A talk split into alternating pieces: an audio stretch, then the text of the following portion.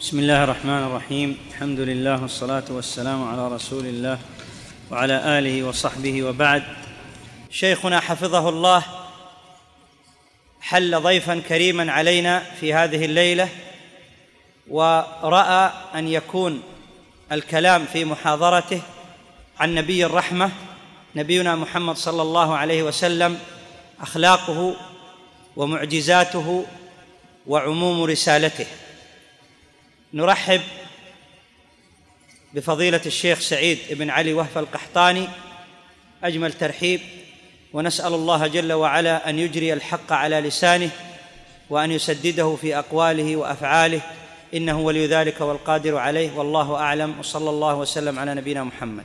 إن الحمد لله نحمده ونستعينه ونعوذ بالله من شرور أنفسنا وسيئات أعمالنا.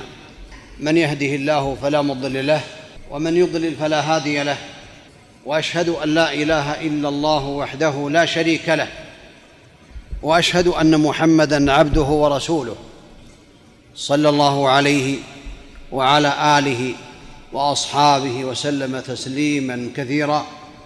أما بعد فأشكر الله تعالى أن يسر الوصول إلى هذا المكان المبارك ثم أشكر الإخوة القائمين على مكتب الدعوة والإرشاد وتوجيه الجاليات في أحد المسارحة بجيزان على اعانتي على هذا الخير وعلى رأسهم الشيخ محمد جزاه الله كل خير وأعوانه إنه على كل شيء قدير. لا شك أيها الإخوة أن من أعظم الواجبات التي أوجب الله تعالى على عباده معرفة النبي محمد بن عبد الله عليه الصلاة والسلام. هي من أوجب الواجبات لأن الأصول الثلاثة التي يجب على كل مسلم أن يتعلمها ويعمل بها معرفة الله تعالى ومعرفه النبي عليه الصلاة والسلام ومعرفة دين الإسلام بالأدلة. هذه الأصول الثلاثة التي يسأل عنها الإنسان في قبره من ربك؟ ما دينك؟ من نبيك؟ فالمسلم العامل بأمور الإسلام يجيب ربي الله ودين الإسلام ونبي محمد صلى الله عليه وسلم. والذي لا يوفق لهذه الإجابة ولم يعمل بالعمل في الدنيا يقول ها ها لا أدري. فلا شك أن الأصل الثالث من الأصول الثلاثة معرفة النبي صلوات الله وسلامه عليه. فهو محمد ابن عبد الله ابن عبد المطلب ابن هاشم وهاشم من قريش وقريش من العرب والعرب من ذرية إسماعيل ابن إبراهيم الخليل. عليه وعلى نبينا أكمل الصلاة وأفضل التسليم. فلا شك أن معرفته عليه الصلاة والسلام واجبة وهو رسول الله حقا. بعثه الله تعالى بالبشارة والنذارة من أطاعه دخل الجنة ومن عصاه دخل النار عليه الصلاة والسلام. فيجب على المسلم أن يعرفه صلوات الله وسلامه عليه ويعرف بعضا من أخلاقه صلوات الله وسلامه عليه. فقد أرسله الله تعالى رحمة للعالمين. قال الله عز وجل وما أرسلناك إلا رحمة للعالمين فهو رحمة للإنس والجن مؤمنهم وكافرهم. رحمة للمؤمنين وللكافرين. يدعوهم إلى الله تعالى ليخرجهم من الظلمات إلى النور. قل يا أيها الناس إني رسول الله إليكم جميعا الذي له ملك السماوات والأرض. لا إله إلا هو يحيي ويميت. فآمنوا بالله ورسوله النبي الأمي الذي يؤمن بالله وكلماته واتبعوه لعلكم تهتدون. والله تعالى قد أرسله للجن والإنس عليه الصلاة والسلام. وإن صرفنا إليك نفرا من الجن يستمعون القرآن فلما حضروه قالوا أنصتوا فلما قضي ولوا إلى قومهم منذرين. فهو رحمة للعالمين. عليه الصلاة والسلام. وحجة على خلق الله أجمعين. وهو منة من الله تعالى على المؤمنين. ولهذا قال الله تبارك وتعالى لقد من الله على المؤمنين إذ بعث فيهم رسولا من أنفسهم يتلو عليهم آياته ويزكيهم ويعلمهم الكتاب والحكمة وإن كانوا من قبل لفي ضلال مبين. وقال في خطبته عليه الصلاة والسلام في أيام التشريق يا أيها الناس إن ربكم واحد وإن أباكم واحد ألا لا فضل لعربي على أعجمي ولا لعجمي على عربي ولا لأحمر على أسود ولا لأسود على أحمر إلا بالتقوى. وقد من الله تبارك وتعالى على هذا النبي الكريم بمكارم الأخلاق كلها فإنه لا يحصى من دخل في الإسلام بسبب خلقه الكريم صلوات الله وسلامه عليه ومن أسمائه صلوات الله وسلامه عليه التي تدل على أن الله تعالى اصطفاه صلوات الله وسلامه عليه فهو رحمة للعالمين ثبت منها تسعة أسماء في السنة. منها محمد وأحمد والمقفي الذي قفى آثار من سبقه من الرسل عليهم الصلاة والسلام والحاشر الذي يحشر الناس على أثره ونبي التوبة عليه الصلاة والسلام ونبي الرحمة والماحي الذي محى الله به الكفر والعاقب الذي ليس بعده نبي والرحمة المهداة صلوات الله وسلامه عليه. ثبتت هذه الأسماء في الأحاديث وتدل على عظم هذا النبي الكريم صلوات الله وسلامه عليه. وقد حكم الله له بالخلق العظيم وأثبته له سبحانه وتعالى فقال سبحانه وإنك لعلى خلق عظيم. قالت عائشة رضي الله عنها حينما سئلت عن النبي عليه الصلاة والسلام وعن خلقه فقالت كان خلقه القرآن صلوات الله وسلامه عليه. هذا النبي الكريم صلوات الله وسلامه عليه أخلاقه لا تحصر ولكنها تعتبر نماذج نماذج من أخلاقه وليست بأخلاقه كلها وإنما هذا نماذج والإنسان لو بقي يتكلم لا يحصي هذه الأخلاق الحميدة ولا يستطيع ولا يعلم هذه الأخلاق كلها وإنما يعلم شيئا يسيرا منها. والإنسان إذا علم أخلاق النبي عليه الصلاة والسلام فإنه يحبه عليه الصلاة والسلام ويقتدي به صلوات الله وسلامه عليه ويعلم بأن الله قد اختاره صلوات الله وسلامه عليه رحمة للعالمين. فهو عليه الصلاة والسلام أعطاه الله الخلق الحسن ولا شك أن الخلق هيئة راسخة في النفس تصدر عنها الأفعال والسلوك فإن كان السلوك والأفعال طيبة وحميدة فالخلق حسن. وإن كانت هذه الهيئة الراسخة التي تصدر عنها الأفعال القبيحة فالخلق سيء. ولا شك أن أخلاق النبي صلوات الله وسلامه عليه هي من أعظم نعم الله تبارك وتعالى على عباده لقوله عز وجل وما أرسلناك إلا رحمة للعالمين فهو رحمة للعالمين للجن والإنس والحيوانات والكفار والمؤمنين رحمة للجميع. صلوات الله وسلامه عليه. فمن آمن به فله الرحمة في الدنيا والآخرة. من آمن بالنبي صلوات الله وسلامه عليه كانت له الرحمة في الدنيا وكانت له السعادة وكانت له الرحمة في الآخرة بدخول جنات النعيم وهي من أعظم نعم الله تعالى على عباده ورضوانه أكبر من هذه النعمة. وإن كان من الكافرين فهو رحمة له عليه الصلاة والسلام ولم تنزل عليهم العقوبة التي كانت تنزل على من عصى الأنبياء من الخسف والعذاب والبراكين والزلازل وغير ذلك وإنما هو رحمة عليه الصلاة والسلام للجميع رحمة للمؤمنين والكافرين والمسلمين والجن والحيوانات صلوات الله وسلامه عليه كما سيأتي إن شاء الله تعالى. قيل يا رسول الله ادعو على المشركين. قال عليه الصلاة والسلام إني لم أبعث لعانا وإنما بعثت رحمة رواه مسلم. هذا يدل على أن الله تعالى جعله رحمة للجميع ولم يدع على المشركين بالهلاك. وقال صلى الله عليه وسلم إنما أنا رحمة مهداة. رواه الحاكم وهو حديث ثابت عنه صلوات الله وسلامه عليه.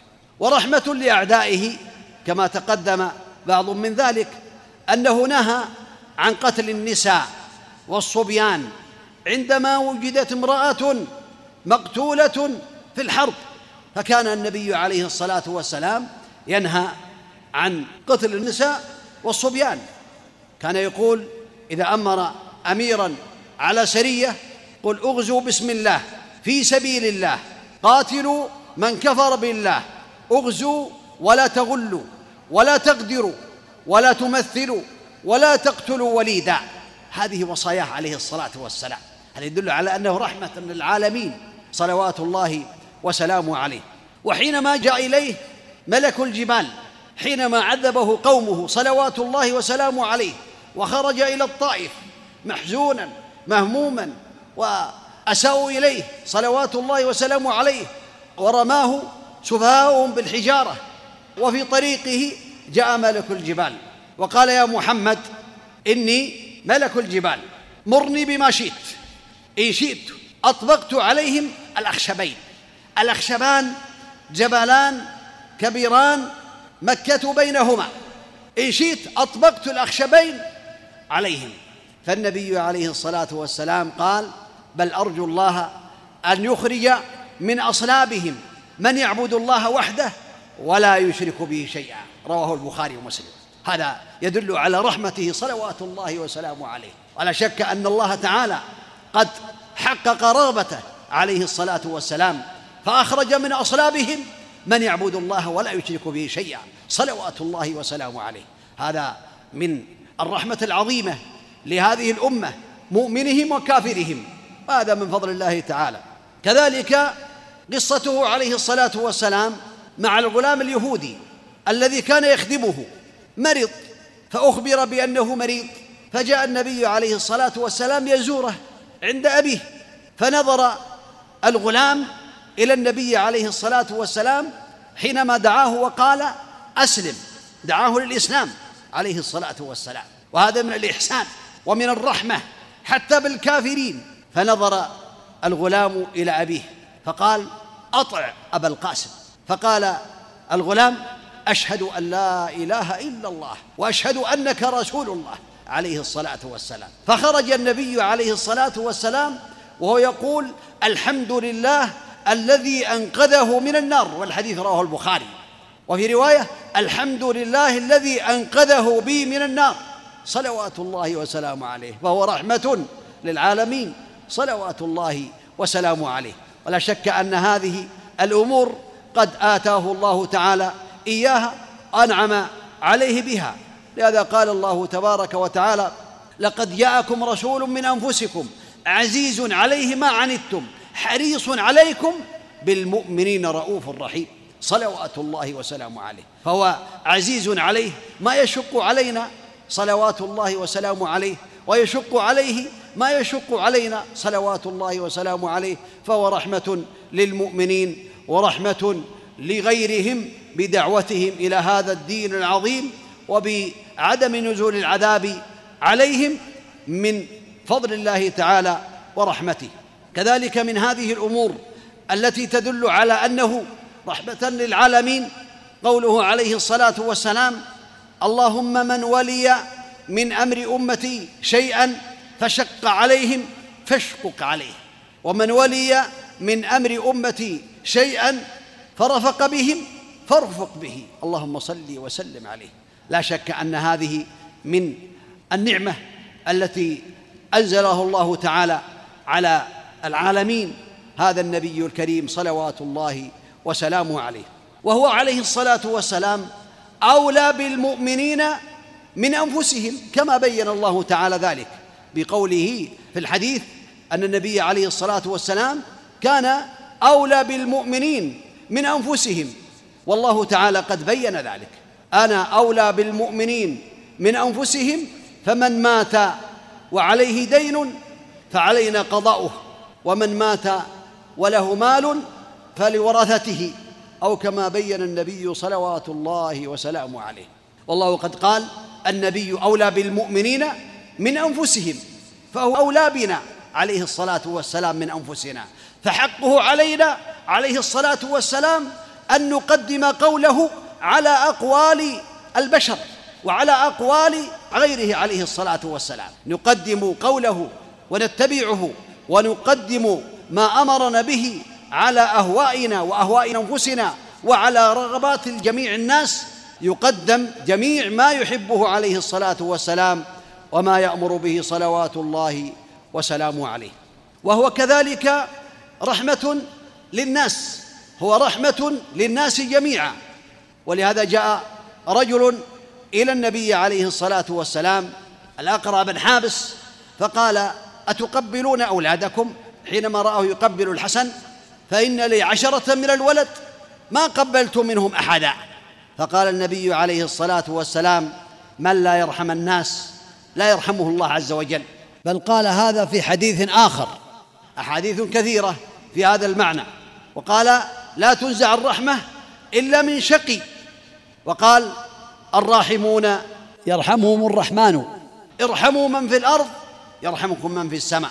هذه الأحاديث ثابتة عنه عليه الصلاة والسلام. ومن رحمته عليه الصلاة والسلام رحمته للصبيان. ولهذا قال عليه الصلاة والسلام ليس منا من لم يرحم صغيرنا ولا يوقر كبيرنا. وفي لفظ ليس منا من لم يرحم صغيرنا ولا يعرف شرف كبيرنا أو كما ثبت عنه عليه الصلاة والسلام. وثبت عنه عليه الصلاة والسلام أنه لا يكون لأحد ثلاث بنات أو ثلاث أخوات أو بنتان أو أختان ثم يحسن إليهن إلا دخل الجنة صلوات الله وسلامه عليه. هذا من رحمته صلوات الله وسلامه عليه. يرغب الناس من كان له ثلاث بنات أو ثلاث أخوات أو بنتان أو أختان فأحسن إليهن دخل الجنة. اللهم صل وسلم عليه. يرحم الناس جميعا ذكورا واناثا عليه الصلاة والسلام حتى الكفار كما تقدم. ورحمته عليه الصلاة والسلام للأيتام. كما قال صلوات الله وسلامه عليه كافر اليتيم له أو لغيره أنا وهو كهاتين في الجنة. وأشار بعض الرواة بالوسطى والسبابة سواء كان اليتيم لك أو كان لغيرك من الناس. وهذا من فضل الله تعالى على عباده وعلى كافر اليتيم. أنه يكون مرافقا للنبي صلوات الله وسلامه عليه. وشكى إليه رجل قسوة قلبه فقال له امسح رأس اليتيم وأطعم المسكين. وهذا الحديث رواه الإمام أحمد وأبو داود ويدل على رحمته صلوات الله وسلامه عليه بالمساكين رحمته عليه الصلاة والسلام بكذلك اليتامى. وهو رحمة للمرأة والضعيف. المرأة ضعيفة والضعيف كذلك. ولهذا قال عليه الصلاة والسلام اللهم إني أحرج حق الضعيفين اليتيم والمرأة أجعله محرما وضيقا على من ظلمهما فيحرجه ويحرمه صلوات الله وسلامه عليه. كذلك يقول عليه الصلاة والسلام في رحمته للأرامل والمساكين الأرملة المرأة التي ليس لها زوج والرجل كذلك الذي ليس له زوجه يقال له أرملة هو يقول الساعي على الأرملة والمسكين كالمجاهد في سبيل الله كالمجاهد في سبيل الله وكالقائم لا يفتر والصائم لا يفطر. وهذا الحديث رواه البخاري ومسلم. هذا من أفضل نعم الله تعالى على من قام بهذه الأعمال. العظيمة التي بينها النبي عليه الصلاة والسلام. وكان عليه الصلاة والسلام يكثر الذكر ويقل اللغو ويطيل الصلاة ويقصر الخطبة ولا يأنف أن يمشي مع الأرملة والمسكين يقضي له حاجة. هذا مما يدل على رحمته صلوات الله وسلامه عليه وأن الله تعالى جعله رحمة للعالمين. قد قال عليه الصلاة والسلام استوصوا بالنساء خيرا فإنهن عندكم عوان ليس تملكون منهن شيئا غير ذلك. العواني الأسيرات. هذه وصية المرأة هي وصية النبي عليه الصلاة والسلام. وصية للناس أن يحسنوا إلى المرأة وأن يقوموا بحقها الذي أوجب الله تعالى لها. كذلك من هذه الأمور التي ينبغي أن يعلم بأن النبي عليه الصلاة والسلام جعله الله تعالى رحمة فيها أنه أوصى بالطلاب العلم طالب العلم الذي يقرأ العلم ويطلب العلم قال سيأتيكم أقوام يطلبون العلم فإذا رأيتموهم فقولوا مرحبا مرحبا بوصية رسول الله صلى الله عليه وسلم. قال وأقنوهم أي علموهم. والحديث رواه الترمذي وابن ماجه وهو حديث حسن ثابت عن النبي صلوات الله وسلامه عليه. وللأسرى يرحم الأسرى والمرضى صلوات الله وسلامه عليه. قال فكوا العاني العاني الأسير. فكوا العاني وأطعموا الجائع وعودوا المريض عيادة المريض. وكذلك فك العاني فك الأسير.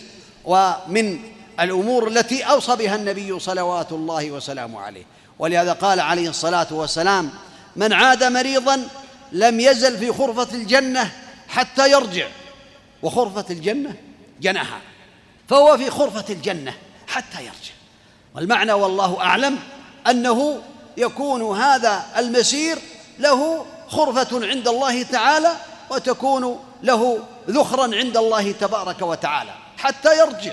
وثبت في الحديث الآخر أنه قال عليه الصلاة والسلام ما من مسلم يعود مسلما أي مريضا غدوة إلا صلى عليه سبعون ألف ملك حتى يمسي وإن عاده عشية صلى عليه سبعون ألف ملك حتى يصبح. وهذا من رحمة النبي عليه الصلاة والسلام بالأمة ومن التحريض والترغيب في زيارة المرضى وبيان الثواب العظيم لمن فعل ذلك صلوات الله وسلامه عليه. وهو كذلك رحمة حتى للحيوانات والطيور والدواب فإن الله تعالى جعله رحمة للعالمين. وجد رجلا كلبا يأكل الثرى من العطش فسقاه فغفر الله له. فقيل يا رسول الله ألنا في البهائم أجر؟ قال في كل كبد رطبة أجر. يعني الذي أسقى الكلب بين النبي عليه الصلاة والسلام بأن له أجر وأن الله شكر له وغفر له.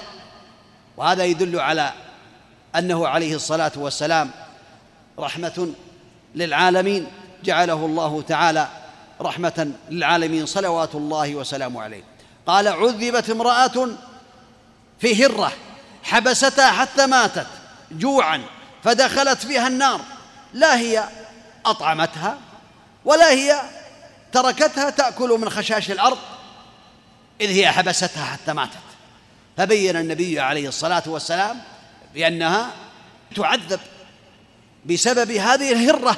هذا رحمة بهذا الحيوان الضعيف وهذا فيه الترغيب في الإحسان للحيوانات وفيه التحذير والترهيب من الإساءة إليها. ولهذا رأى النبي عليه الصلاة والسلام حمارا قد وسم في وجهه بالنار.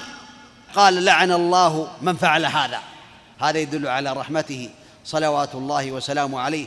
وأن الله جعله رحمة للعالمين. صلوات الله وسلامه عليه للجن والإنس والمؤمنين والكافرين والحيوانات حتى الطيور.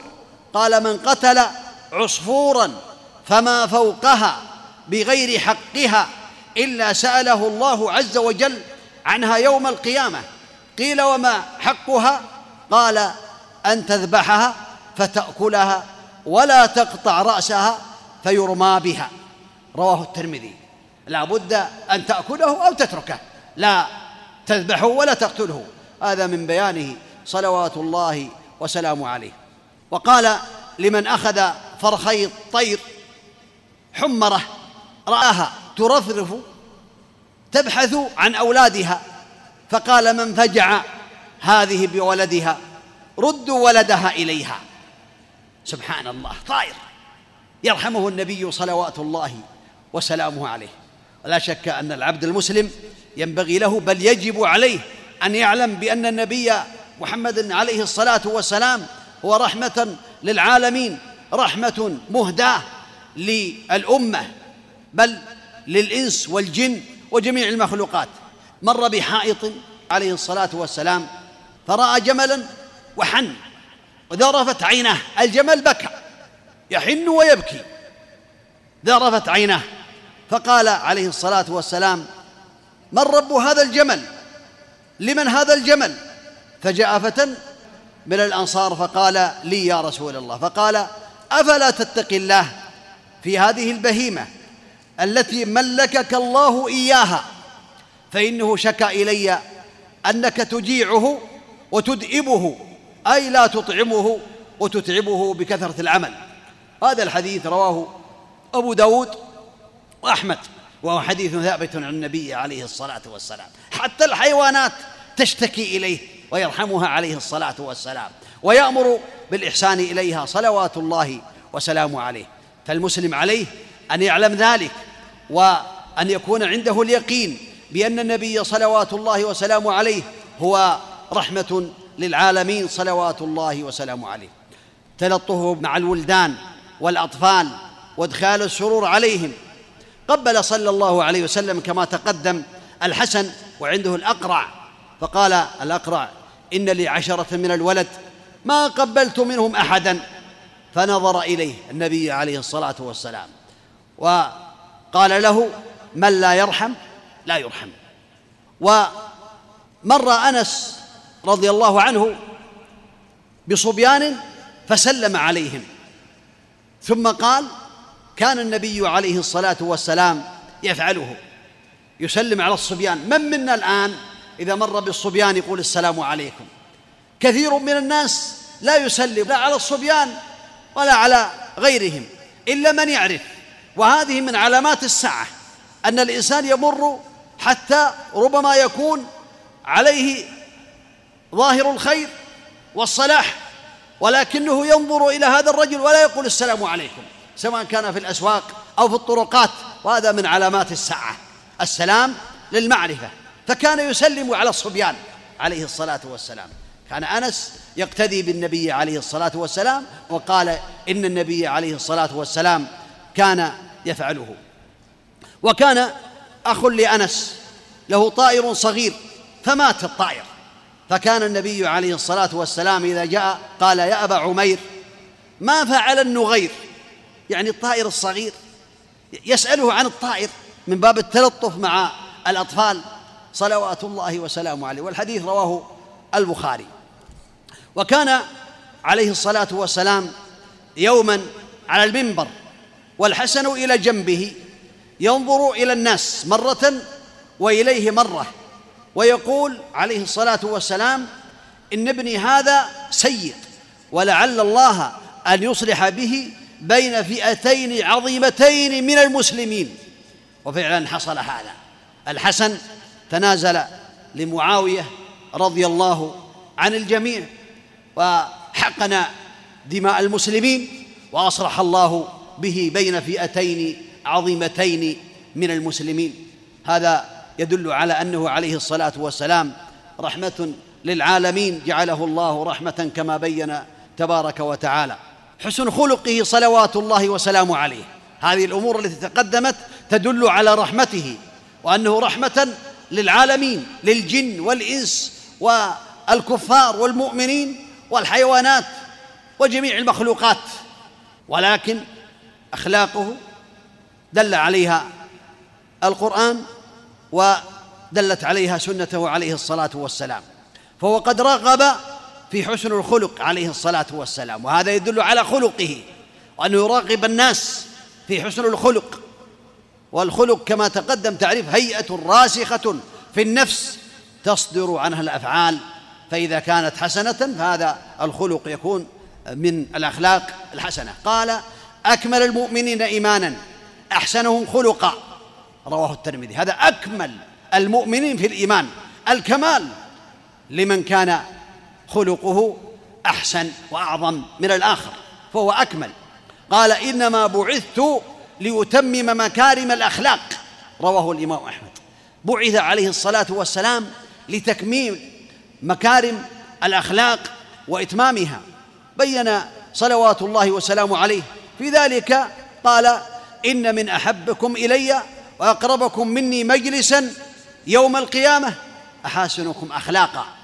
وقال إن المؤمن لا يدرك بحسن خلقه درجة الصائم القائم.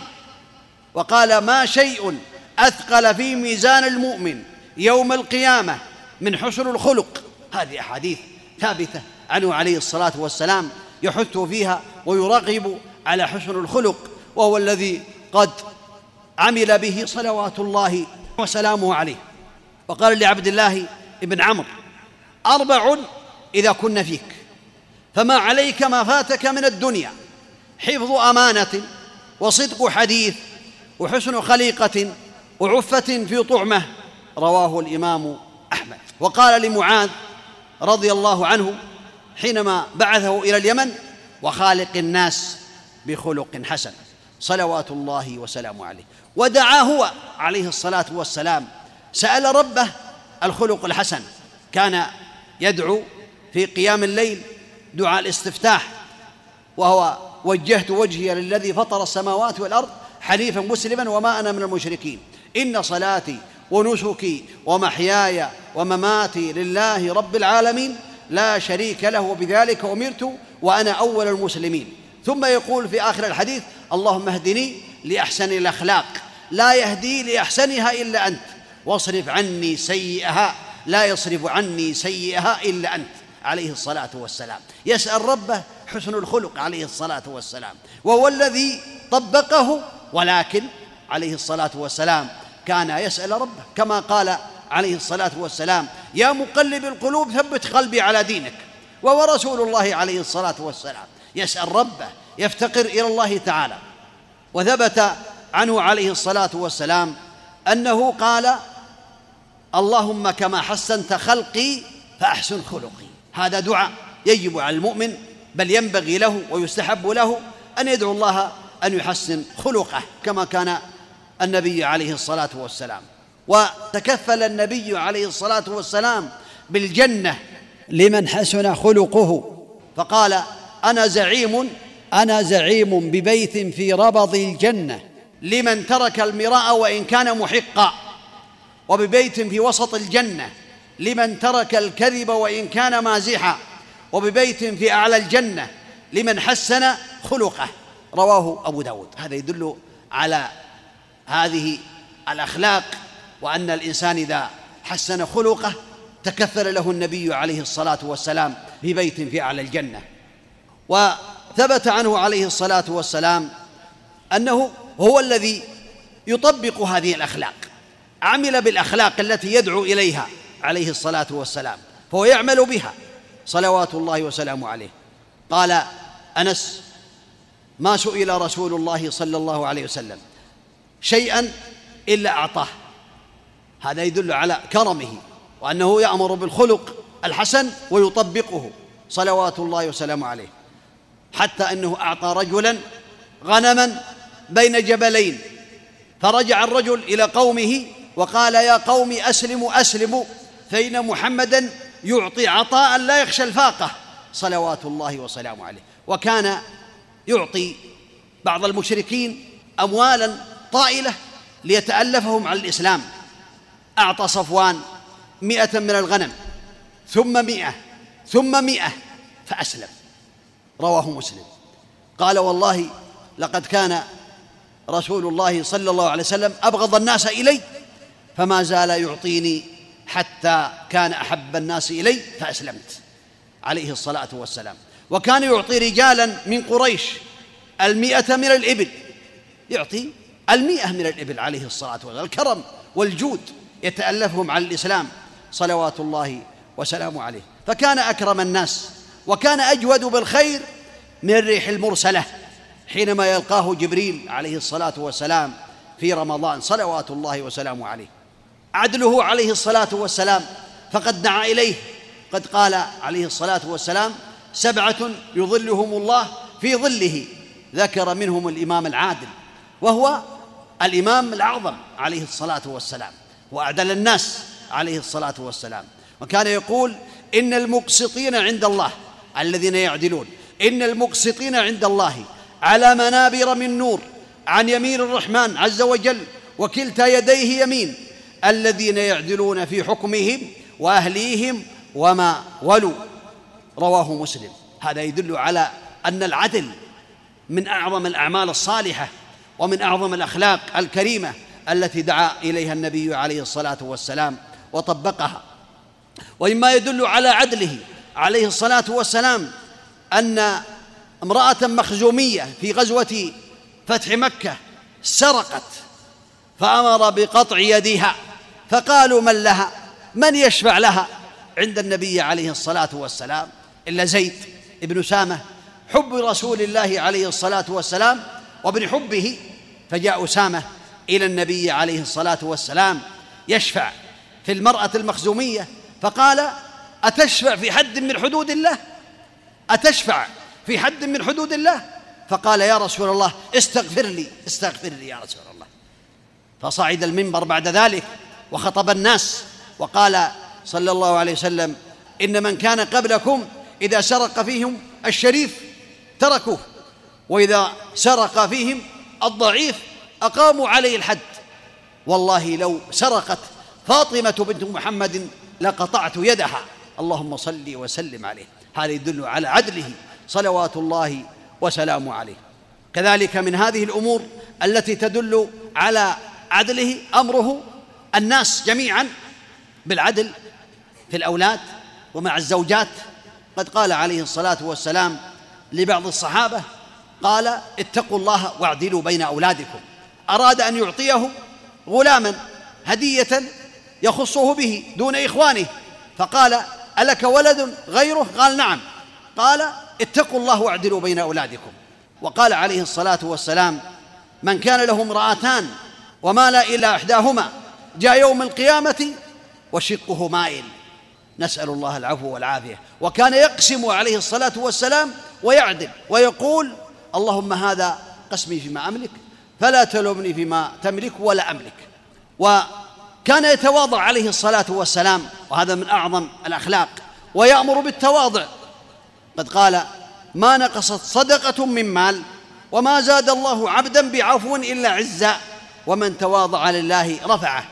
وكان عليه الصلاة والسلام قد جاء أعرابي على قعود وأراد أن يسابق النبي عليه الصلاة والسلام فسابق على العظباء وكانت العظباء لا تسبق. فسابق النبي عليه الصلاة والسلام الأعرابي فسبق القعود قعود الأعرابي العظباء فشق ذلك على الصحابة فقال النبي عليه الصلاة والسلام إن حقا على الله الا يرفع شيئا من هذه الدنيا إلا وضعه. هذا الحديث رواه البخاري. هذا يدل على تواضعه عليه الصلاة والسلام. جاء رجل أعرابي ترعد فرائصه من الخوف من النبي عليه الصلاة والسلام قال هون على نفسك فإني لست بملك إنما أنا ابن امرأة كانت تأكل القديد في هذه البطحة أي بطحة مكة. يقول لا تخاف أنا ابن امرأة كانت تأكل اللحم المجفف في هذه البطحة وهو رسول الله عليه الصلاة والسلام سيد الناس عليه الصلاة والسلام كما قال أنا سيد ولد آدم يوم القيامة ولا فخر. ومع ذلك يقول هذا عليه الصلاة والسلام تواضعا صلوات الله وسلامه عليه. وكان حليما وكان يعفو عليه الصلاة والسلام. جاء الطفيل إلى النبي عليه الصلاة والسلام. أسلم الطفيل قديما ثم رجع إلى قومه ودعاهم إلى الإسلام فأبوا وكفروا ولم ينقادوا فجاء إلى النبي عليه الصلاة والسلام وقال يا رسول الله إن دوسا عصت وأبت وفي بعض الروايات وكفرت فادعوا الله عليهم. فاستقبل القبلة عليه الصلاة والسلام وحينما استقبل القبلة قالوا ويح دوس هلكوا هلكوا أو هلك الدوس. فقال اللهم اهدهم وأت بهم اللهم اهدهم وأت بهم. عليه الصلاة والسلام. يطلب الدعاء عليهم فيدعو لهم. فجاء الطفيل بتسعين بيتا أو بثمانين بيتا. شك الراوي في غزوة خيبر. كلهم قد أسلموا من جماعة الطفيل رضي الله عنه. هذا يدل على حلمه عليه الصلاة والسلام وعلى عفوه صلوات الله وسلامه عليه. وكذلك كان عليه الصلاة والسلام في غزوة من غزوات نجد. ونام الناس تحت الأشجار ونام عليه الصلاة والسلام تحت شجرة وعلق سيفه. فجاء أعرابي وأخذ السيف وقال يا محمد من يمنعك مني؟ فقال الله. فكررها فقال الله. فسقط السيف من هذا الرجل ودعا الصحابة. النبي عليه الصلاة والسلام دعاهم وأخبرهم بالخبر ثم من عليه وتركه. فذهب إلى قومه وقال جئتكم من عند خير الناس. في بعض الروايات أنه قال تسلم؟ قال لا. ولكني لا أقاتلك ولا أقاتل مع من يقاتلك. فمن عليه. عليه الصلاة والسلام. فرجع إلى قومه وقال جئتكم من عند خير الناس. ودعاهم للإسلام. فأسلم على يديه خلق كثير. كما ذكر صاحب فتح الباري. وقيل بأنه غورث. وأسلم على يديه خلق كثير بسبب عفو النبي عليه الصلاة والسلام. هذه نماذج من أخلاقه صلوات الله وسلامه عليه. ثمامة سيد أهل اليمامة جيء به أسيرا وربط في سارية المسجد ربطه الصحابة في سارية المسجد بدون أمر النبي عليه الصلاة والسلام لم يأمر بذلك وبقي ثلاثة أيام مربوط بالسارية فيمر عليه النبي عليه الصلاة والسلام ويقول ما عندك يا ثمامة؟ فقال عندي خير إن تقتل تقتل ذا دم. يعني تقتل صاحب دم قد قتل أناسا كثيرا من قومك. أو تقتل ذا دم يعني صاحب دم في قومه له شان. وإن تطلب من المال تعطى ما شئت. وإن تنعم تنعم على شاكر. ثم مر عليه اليوم الثاني فقال له هذا القول فرد عليه مثل ما رد عليه. فرد عليه اليوم الثالث فرد عليه مثل ما رد عليه. فقال أطلقوا ثمامة أطلقوه فأطلقوه. حينما أطلق ذهب إلى النخل واغتسل ثم جاء إلى النبي عليه الصلاة والسلام وقال أشهد أن لا إله إلا الله وأشهد أنك رسول الله. والله ما كان على وجه الأرض وجه أبغض إلي من وجهك ولقد أصبح وجهك أحب الوجوه كلها إلي. والله ما كان على وجه الأرض دين أبغض إلي من دينك ولقد أصبح دينك أحب الأديان كلها إلي. والله ما كان على وجه الأرض بلاد أبغض إلي من بلادك ولقد أصبحت بلادك أحب البلاد كلها إلي. فمر بما شئت. جئت معتمرا على دين قومي كما يقول. فأمره النبي عليه الصلاة والسلام أن يعتمر على دين الإسلام. هذا الحديث رواه البخاري وغيره. فقدم إلى مكة وطاف فسمع أهل مكة بأنه يدعو بأمور تدل على أنه من المسلمين. فقالوا صبأ ثمامة صبأ أي خرج من الدين. فقال والله ما صبوت ولا والله لا يأتيكم حبة من اليمامة إلا أن يكتب رسول الله صلى الله عليه وسلم إلي. فرجع وأمر بقطع الإمدادات عن أهل مكة حتى كتب إليه أن يطلق الحصار عنهم عن طريق النبي عليه الصلاة والسلام. هذا يدل على مكانة العفو وأنه عليه الصلاة والسلام كان يعفو عليه الصلاة والسلام. وهذا من أعظم الأخلاق التي تخلق بها صلوات الله وسلامه عليه. رفقه كان عليه الصلاة والسلام رفيقا وقال إنه من أعطي حظه من الرفق فقد أعطي حظه من خير الدنيا والآخرة. وحسن الخلق وحسن الجوار يعمران الديار ويزيدان في الأعمار. رواه أحمد وهو حديث ثابت عن النبي عليه الصلاة والسلام. الرفق لا يكون في شيء إلا زانه ولا ينزع من شيء إلا شانه. كذلك مع من بال في المسجد رجل بال في المسجد أعرابي بال في المسجد فأكاد الصحابة أن يقتلوه قال لا تزلموه دعوه. فتركوه حتى بال وكمل بوله في المسجد. ثم دعاه عليه الصلاة والسلام وقال إن هذه المساجد لا تصلح لشيء من هذه القاذورات وإنما بنيت لذكر الله وقراءة القرآن أو كما قال النبي عليه الصلاة والسلام فتأثر هذا الرجل تأثرا عظيما حتى جاء في رواية عند البخاري أنه هو الذي صلى ركعتين في المسجد ثم دعا وقال اللهم ارحمني ومحمدا ولا ترحم معنا أحدا فقال النبي عليه الصلاة والسلام لقد حجرت واسعا أي حجرت رحمة الله. هذا يدل على تأثير العفو وعدم الشدة وإنما الرفق في مكانه. وغير ذلك كثير. معاوية بن الحكم كان يصلي مع النبي عليه الصلاة والسلام فعطس رجل من القوم. وهذا في مسلم. فقال يرحمك الله. ما كان يعلم بأن الكلام قد منع في الصلاة. فصار الناس يسكتونه يضربون أفخاذهم. فقال واثك لو مياه ماذا فعلت؟ وبعد الصلاة دعاه النبي عليه الصلاة والسلام. قال إن هذه الصلاة لا يصلح فيها شيء من كلام الناس أو كما قال النبي عليه الصلاة والسلام. فتأثر بتوجيه النبي صلوات الله وسلامه عليه. من أخلاقه الشجاعة كان شجاعا عليه الصلاة والسلام. وشجاعته عظيمة. أرسل ستا وخمسين سرية. السرية هي التي يرسلها عليه الصلاة والسلام ويرسل لها قائدا يقودها ولا يخرج معها. أرسل ستا وخمسين سرية وقاد بنفسه سبعا وعشرين غزوة قاتل في تسع منها. تسع غزوات قاتل فيها وقاد سبعا وعشرين غزوة بنفسه صلوات الله وسلامه عليه. هذا يدل على شجاعته وعلى ما أعطاه الله تعالى.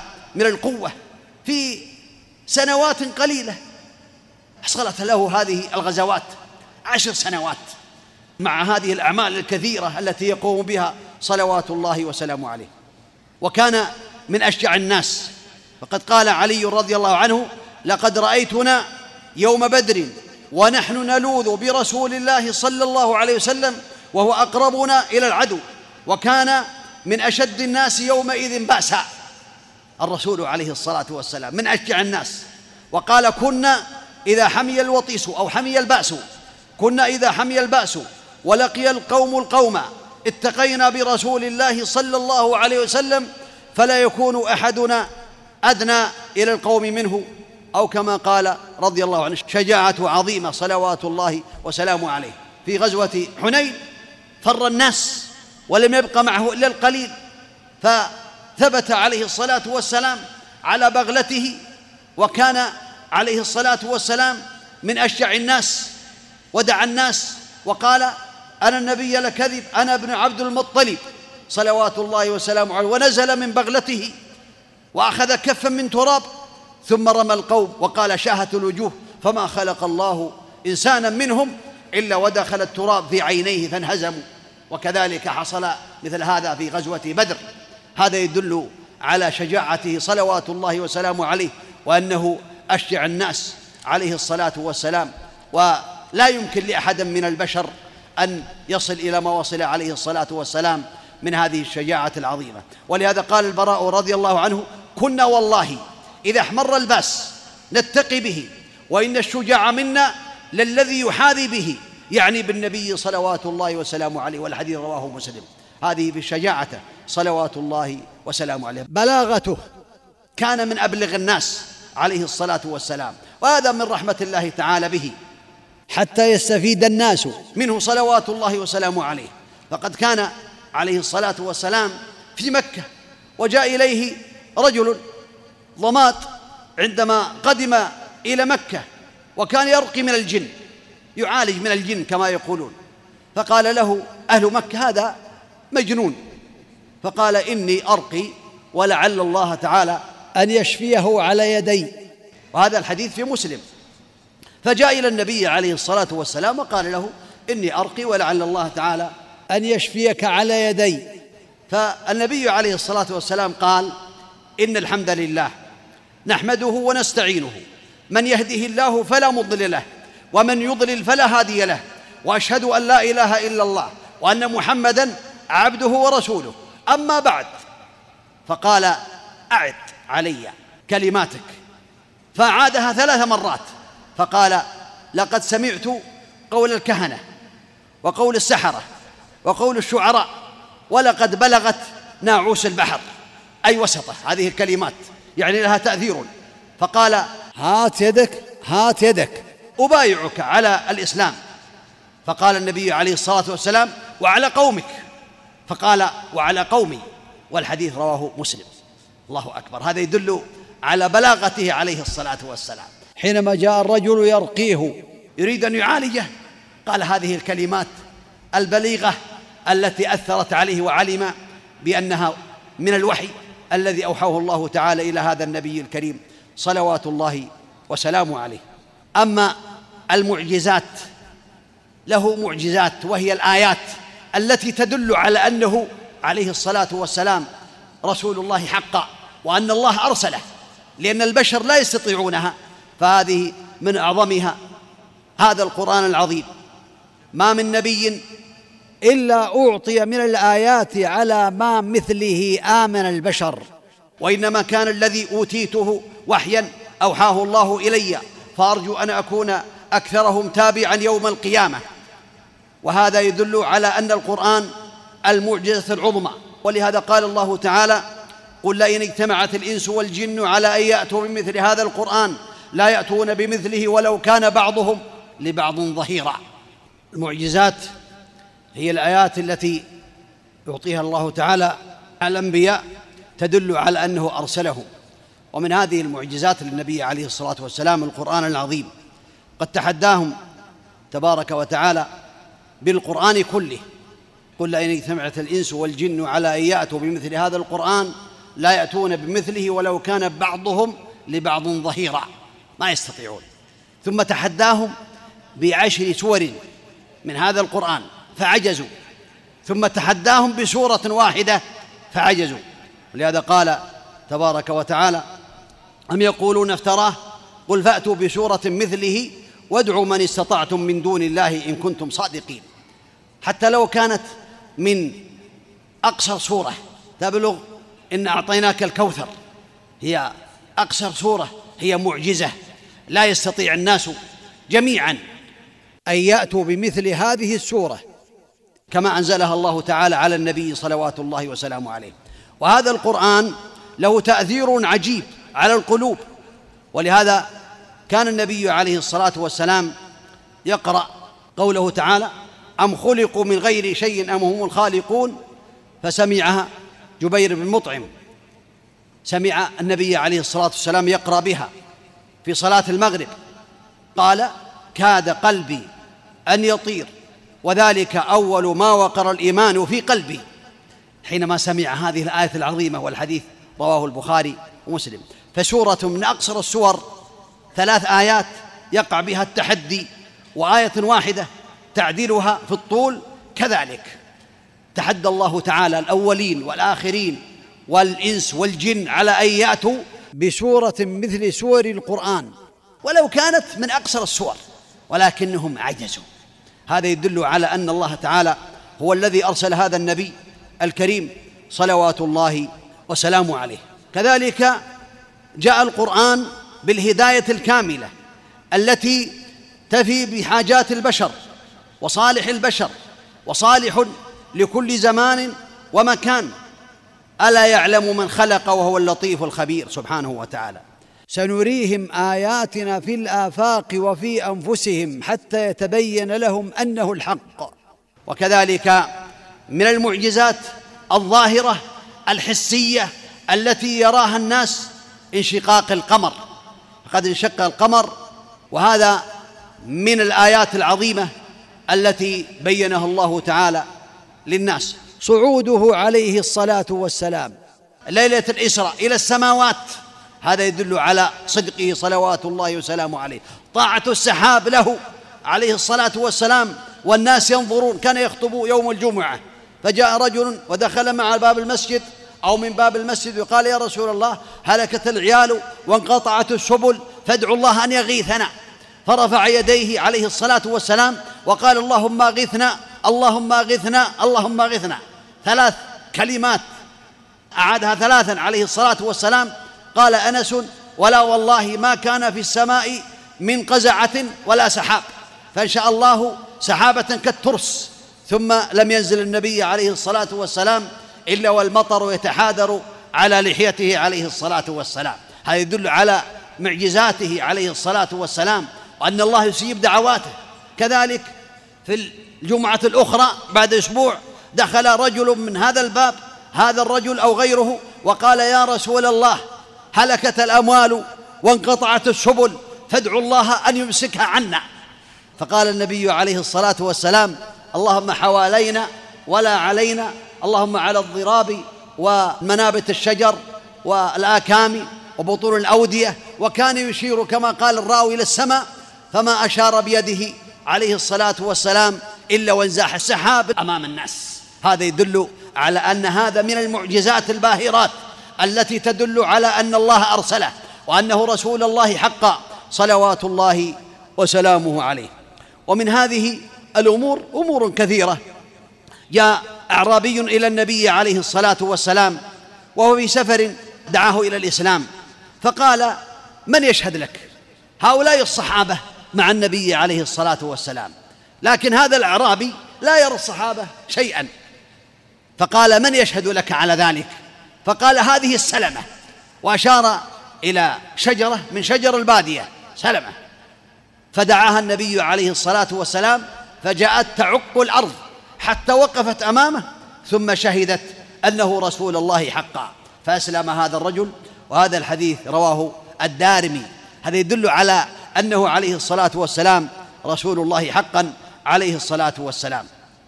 كذلك أعطاه الله تعالى آيات تدل على أنه رسول الله حقا منها أن عبد الله بن عتيك انكسرت رجله فمسحها النبي عليه الصلاة والسلام فكأنها لم تنكسر رواه البخاري. رجعت وإذا هي سليمة.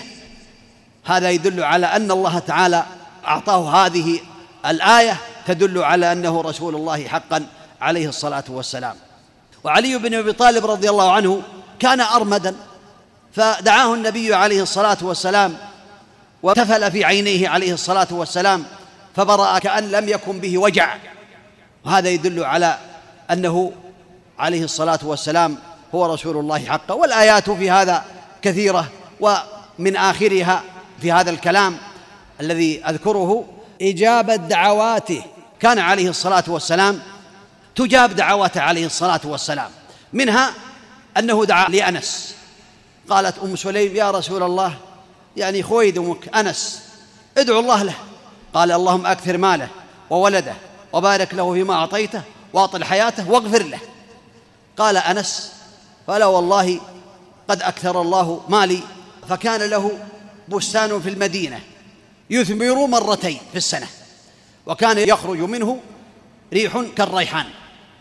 وقال وذريتي الآن يتعادون فوق المئة وقتل لصلب مقدم الحجاج الكوفة مئة وعشرون. أخبرتني بذلك ابنتي أمينة.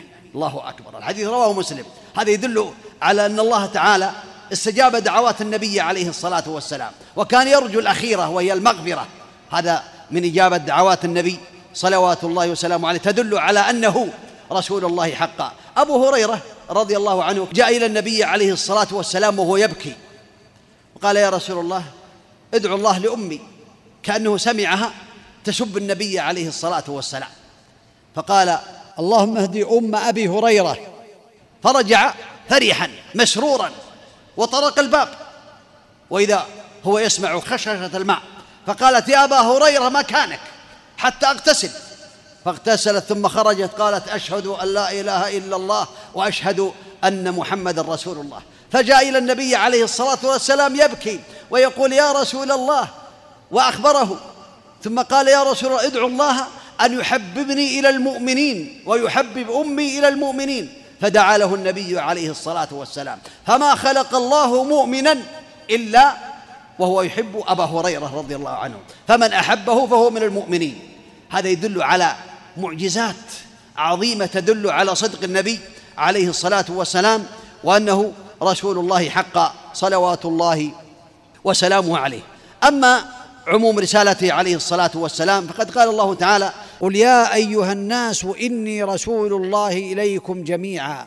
فالنبي عليه الصلاة والسلام أمره الله أن ينادي الناس أنه رسول الله إليهم جميعا صلوات الله وسلامه عليه. قال وإذا أخذ الله ميثاق النبيين لما آتيتكم من كتاب وحكمة ثم جاءكم رسول مصدق لما معكم لتؤمنن به ولتنصرنه.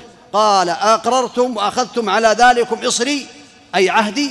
قالوا أقررنا. قال فاشهدوا أنا معكم من الشاهدين. هذا بيان من الله تعالى أنه أخذ الميثاق على جميع الأنبياء أن يؤمنوا بالنبي عليه الصلاة والسلام إذا خرج في عهدهم. ولهذا قال النبي عليه الصلاة والسلام لو كان موسى حيا بين أظهركم ما حل له إلا اتباعي. والمخالفون لعموم رسالته لا يخلو أمرهم من أمرين. الأمر الأول إما أن يكون المخالف مؤمنا برسالته ولكنه يقول رسالته خاصة بالعرب. هو رسول الله حقا لكنه خاص بالعرب.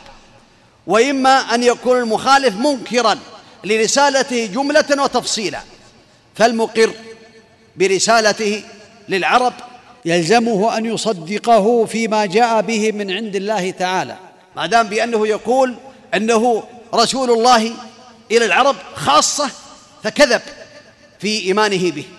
إما أن يؤمن بأن الله قد أرسله للعرب والعجم والجن والإنس وان رسالته عامة وإما أن يكذب ولا يدخل في الإيمان ولا يكون مؤمنا بالله ولا باليوم الآخر إلا إذا أقر بأنه قد أرسله الله تعالى للناس جميعا عليه الصلاة والسلام. وأما المخالف الذي ينكر جملة وتفصيلا فعليه أن يأتي بما يناقض هذه المعجزة العظيمة القرآن والمعجزات. يأتي بما ينقض هذه المعجزات ولن يستطيع أو يقر بأنه من الكافرين وأنه من الكاذبين الذين كذبوا على الله وكذبوا على رسوله عليه الصلاة والسلام. وأختم حديثي بقول النبي عليه الصلاة والسلام والذي نفسي بيده لا يسمع بي أحد من هذه الأمة يهودي أو نصراني ثم يموت ولم يؤمن بالذي أرسلت به إلا كان من أصحاب النار. هذا يدل على عموم رسالته عليه الصلاة والسلام. لا يسمع به أحد من هذه الأمة من اليهود أو من النصارى أو من غيرهم من الإنس والجن ثم لم يؤمن به ومات على ذلك فإنه من أصحاب النار كما قال النبي صلوات الله وسلامه عليه. ولا شك أن الكلام في أخلاق النبي عليه الصلاة والسلام ورحمته للعالمين عليه الصلاة والسلام ومعجزاته وعموم رسالته يحتاج إلى دروس كثيرة وإنما هذه نماذج نماذج تزيد إيمان المؤمن وتبين للكافر أو الذي لا يصدق بذلك بأنه من العاجزين ومن المخذولين الذين لا يستطيعون أن يقاوموا هذه الرسالة وهذه الدعوة. أسأل الله تبارك وتعالى باسمائه الحسنى وصفاته العلى أن يجعلني وإياكم من الذين يستمعون القول فيتبعون أحسنه وأن يجعلنا جميعا من الذين يؤمنون بالنبي عليه الصلاة والسلام ايمانا كاملا ويتبعونه عليه الصلاة والسلام ويقتدون بهديه عليه الصلاة والسلام حتى نلقاه على هذا وهو راض عنا إنه على كل شيء قدير. وبالإجابة جدير كما أسأله عز وجل أن يرزقني وإياكم العلم النافع والعمل الصالح وأن يختم لنا وإياكم بخير. وصلى الله وسلم وبارك على نبينا محمد وعلى آله وأصحابه أجمعين. بسم الله الرحمن الرحيم. الحمد لله والصلاة والسلام على رسول الله وعلى آله وصحبه وبعد. يقول السائل فضيلة الشيخ كتابكم المبارك حصن المسلم يذكرني برياض الصالحين. فهل أعطيتنا فكرة عن هذا المؤلف من حيث فكرته وطريقة الجمع والاختيار لأحاديثه والوقت الذي استغرقته في جمعه؟ بسم الله الرحمن الرحيم. اللهم صل على محمد. أسأل الله عز وجل أن يتقبل منا ومنكم. وعلى كل شيء قدير. والمقصود العمل. العمل الأحاديث الصحيحة التي ثبتت عن النبي عليه الصلاة والسلام بالأدعية نسأل الله أن يتقبل من الجميع. نعم. يقول السائل ذكرتم يا شيخ فضل كفالة اليتيم فهل من ساهم بمبلغ في كفالة اليتيم يشمله الحديث أنا وكافل اليتيم في الجنة أم لا بد من كفالة اليتيم بكل ما تعنيه الكفالة؟ وجزاكم الله خيرا. الذي يعين اليتيم ويحسن إليه على فضل كبير وثواب عظيم. لكن الحديث على ظاهره يدل على أن الكفالة هي التي تحافظ على أموره كلها. وهذا الظاهر من الحديث لأنه قال أنا وكافر اليتيم له أو لغيره كهاتين في الجنة. نعم. يقول السائل فضيلة الشيخ يدخل بعض من تفوتهم صلاة الجماعة فيجد من يصلي لوحده فإذا كان اثنان يدخلون مع هذا المنفرد أم يقيمون الصلاة ويصلون مع بعض؟ إذا كان هذا الإنسان المنفرد يقضي قد أدرك الإمام وهو مأموم فإنهم لا يصلون معه الأفضل ألا يصلون معه. يصلون لوحدهم والدليل على ذلك أن النبي عليه الصلاة والسلام في غزوة تبوك كان هو والمغيرة يتوضأ النبي عليه الصلاة والسلام والمغيرة معه. ثم أتيا إلى الصلاة فوجد النبي عليه الصلاة والسلام عبد الرحمن بن عوف يصلي بالناس صلاة الفجر قد صلى الركعة الأولى فدخل النبي عليه الصلاة والسلام ثم قضى النبي عليه الصلاة والسلام لنفسه وقضى المغيرة لنفسه. دل ذلكم على أن الأفضل للإنسان إذا دخل وقد وجد الناس قد صلوا فإنه يبحث عن جماعة أخرى ولا يصلي مع المأموم. لكن لو حصل هذا صحت الصلاة والحمد لله. نعم. يقول السائل فضيلة الشيخ كيف نتغلب على الوسوسة في الصلاة؟ يستعيذ بالله من الشيطان الرجيم. ويتدبر الآيات التي تقرأ ويستعيذ بالله في بداية القراءة ويحضر قلبه ويذكر بأنه أمام الله تعالى وأنه يخاطب الله عز وجل. ولهذا قال النبي عليه الصلاة والسلام إذا قال العبد الحمد لله رب العالمين قال الله حمدني عبدي. فإذا قال الرحمن الرحيم قال الله أثنى علي عبدي. فإذا قال مالك يوم الدين قال مجدني عبدي. فإذا قال إياك نعبد وإياك نستعين قال الله هذا بيني وبين عبدي ولعبدي ما سأل. فإذا قال اهدنا الصراط المستقيم صراط الذين أنعمت عليهم غير المغضوب عليهم ولا الضالين. قال الله هذا لعبدي ولعبدي ما سأل رواه مسلم. فأنت تخاطب الله تعالى في صلاتك. تخاطب الله في صلاتك والله يرد عليك. الأمر الآخر أن الإنسان إذا كان عنده وسوسة فلا بأس أن يتفل عن يساره إذا كان لوحده يعني ينفث عن يساره ثلاثا ويستعيذ بالله من الشيطان وهذا نافع ويسأل الله التوفيق ويسأل الله أن يصلح قلبه وعمله. نعم. هذا سائل يقول إذا كان الإيجار لا يصلي ونصح كثيرا ولم يستجب وإذا نصح تكلم على أهل الدين بكلام لا يليق فما هو أسلوب التعامل معه. أسلوب التعامل معه حينما بذلت معه هذه الأسباب تبلغ عنه الهيئة. يرفع أمره إلى المسؤولين إلى الهيئة أو الإمارة أو المحكمة حتى يحافظ على الصلاة. مسلم لا بد أن يصلي مع جماعة المسلمين. والحل الأسلم من هذا العلم عند الله تعالى الجماعة كلهم في الحي كلهم يأتون إليه يدخلون عليه في بيته. صل معنا. لأن الإنسان إذا علم بأن الناس قد أحاطوا به من جميع الجهات الجيران وليس هناك أحد يوافقه على ذلك إما أن ينقل وإما أن يصلي. لكن من يفعل هذا؟ إذا حصل هذا فهذا هو الأولى وإن لم يحصل فتبلغ الهيئة والمحكمة. نعم. سائل يقول فضيلة الشيخ ظلت حافلة في الحج عن الطريق. ولم تنزل إلى مزدلفة وأتوا إلى منى من طريق عرفات لأن الوقت قد مضى للنزول في مزدلفة فهل عليهم شيء؟ ليس عليهم شيء ما دام بأنهم اضطروا إلى ذلك لا يكلف الله نفسا إلا وسعها. نعم. سائل يقول هل النهي عن الوسم في الوجه فقط أم في أي جزء من الدابة؟ حتى ولو كان الهدف من وسم لمعرفتها مثل وسم الإبل. لا لا النهي عن الوسم في الوجه. لا يسم في الوجه نعم. يقول إذا كان لا أعرف الذي أريد السلام عليه هل هو مسلم أم كافر فهل يصح السلام عليه؟ نعم إذا كنت في بلاد المسلمين وظاهر الإسلام في المملكة العربية السعودية ولا اشتبك عليك مسلم أو قبل سلم عليه. أما إذا كنت في بلاد الكفار كلهم كفار فالأصل الكفر لكنك في الأصل أنك بين المسلمين.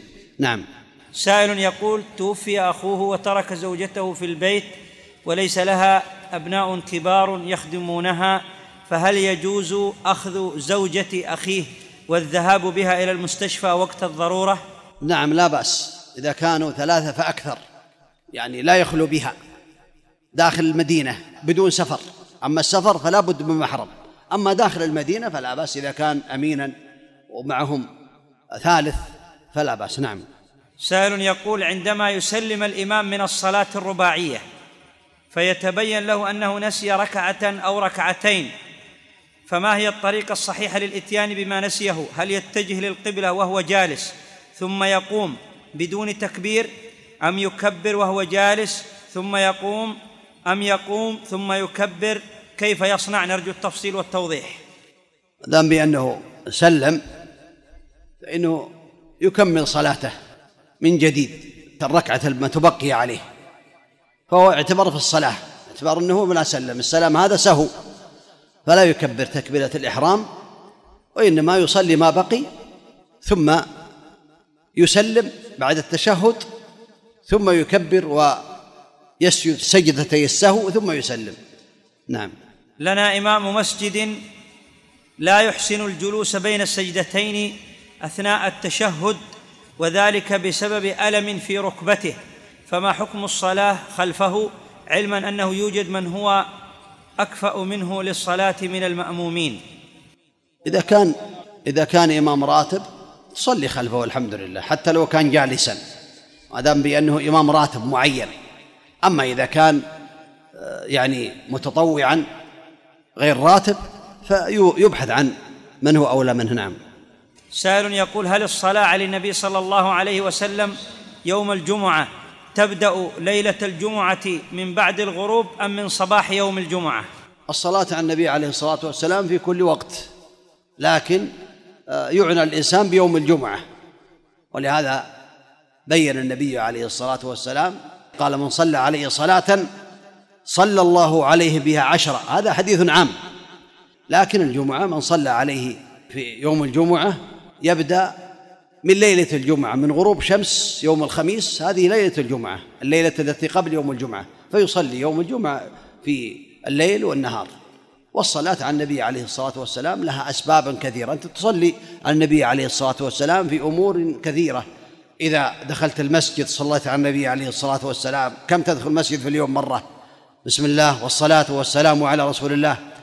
أعوذ بالله العظيم ووجهه الكريم وبسلطانه القديم من الشيطان الرجيم. تصلي على النبي عليه الصلاة والسلام في التشهد الأخير وفي الأول كذلك الأفضل تصلي على النبي عليه الصلاة والسلام إذا أذن المؤذن وهكذا. أنت مستمر في الصلاة على النبي عليه الصلاة والسلام لكنك تكثر منها يوم الجمعة وليلة الجمعة نعم. يقول السائل إذا أتيت مبكرا إلى المسجد قبل أذان المغرب هل أصلي ركعتين أم أتوقف لأنه وقت نهي؟ لا تصلي لأن الصلوات ذوات الأسباب يصليها الإنسان في أوقات النهي لا بأس. تحية المسجد وسنة الوضوء وركعتي الطواف صلاة الجنازة هذه تصلى في أوقات النهي لأنها لها أسباب. نعم. يقول السائل ما حكم صلاة الوتر؟ هل هي واجب أم سنة مؤكدة؟ وما الراجح في ذلك؟ الصواب أنها سنة مؤكدة مؤكدة مؤكدة. ينبغي ألا تترك. نعم. النبي عليه الصلاة والسلام قال أوتروا يا أهل القرآن. الوتر حق. نعم. يقول السائل فضيلة الشيخ بعض الناس يفهم الرحمة بغير معناها. من لا يرحم الناس لا يرحم فمثلا يطلب من المعلم أن ينجح من لا يستحق النجاح ويدلل بحديث الرحمة. فما رأيكم في ذلك؟ الرحمة هي في موضعها كالحكمة. الرحمة قد تكون بقطع اليد قد تكون الرحمة بقطع عنق القصاص على حسب الأحوال. قد تكون الرحمة بعدم وضع الدرجات يرحمه حتى لا يوقعه في الإثم يخرجه للناس لا يفهم شيئا ويظلمه. هذا ظلم انصر أخاك ظالما أو مظلوما. قال يا رسول الله هذا نصرته مظلوما فكيف أنصره إذا كان ظالما؟ قال تأخذ على يديه. وتمنعهم من الظلم. هذا ظلم. أنت قد رحمته حينما أعطيته درجته التي يستحقها. نعم. سائل يقول فضيلة الشيخ ما هو الموقف الصحيح للجهاد في سوريا؟ الجهاد في سوريا ينبغي بل يجب على المسلمين أن يرحموهم. والمؤمن للمؤمن كالبيان يشد بعضه بعضا يدعو له يمده بالمال إذا استطاع. أما خروجه من بلاده للجهاد في سوريا فيكون بشروط. اولا يستأذن الوالدين الوالد والوالدة. وثانيا يستأذن ولي الأمر الذي هو قد عقد له البيعة. فإنه إذا خرج من الولاية بدون إذن الوالي ومات. مات ميتة جاهلية. والأمر الرابع أن أن يكون الجهاد تحت راية إسلامية. هذا طبق هذه الشروط على نفسك. إن حصلت كلها فاخرج. نعم. لكن لا تقول إنه يقول اخرج. يقول الشيخ اخرج. لا. إذن الوالدين. انتبه. الأمر الثاني إذن ولي الأمر. ولي أمرك الملك. أو من ينوب عنه. إذا أصدر أمر لا بأس أن تجاهدوا في سوريا. اخرجوا. الأمر الرابع الراية. نعم. الجهاد يكون تحت راية إسلامية تحكم بالشريعة الإسلامية إذا غلبت. نعم. سائل الشيخ يقول هل يجوز للمرأة أن تذبح بيدها أم لا؟ نعم. تجوز يجوز المرأة أن تذبح ولو كانت حائضا. لا بأس.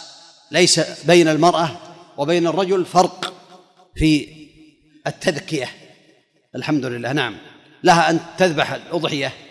لكن في الغالب الناس تعارفوا على أن الرجل هو اللي يذبح. لا بأس. إذا كان عندك أضحية تذبحها أنت. لكن لو ذبحتها المرأة واستعجلت وذبحت الضيف بدون اختلاط بدون خلوة فلا بأس. الحمد لله نعم. حتى لو كانت حائضا أو نفساء. نعم. السؤال الأخير. فضيلة الشيخ يقول في هذه الأيام نستقبل الإجازة الصيفية لأبنائنا وبناتنا. نريد منكم توجيها لأولياء الأمور نحو الدور الواجب عليهم تجاه فلذات أكبادهم في هذه الإجازة. والله هذه الإجازة في الحقيقة نعمة لمن وفقه الله تعالى لاغتنامها. فيحصل فيها الدروس. وقد بلغني بل ثبت عندي أن من الناس من حفظ القرآن في الإجازة الصيفية.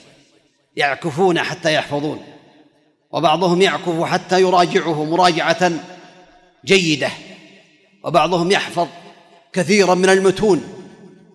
هذا من الغنائم. هذه الإجازة. أما كثير من الناس يضيعون أوقاتهم بالسهر في الليل والنوم في النهار تضييع الصلوات آه، تفويت الصلوات الجماعة. وغير ذلك من المحظورات. فمن أراد الخير في هذه الإجازة فعليه أن يغتنم الدروس العلمية والمراجعة للقرآن الكريم.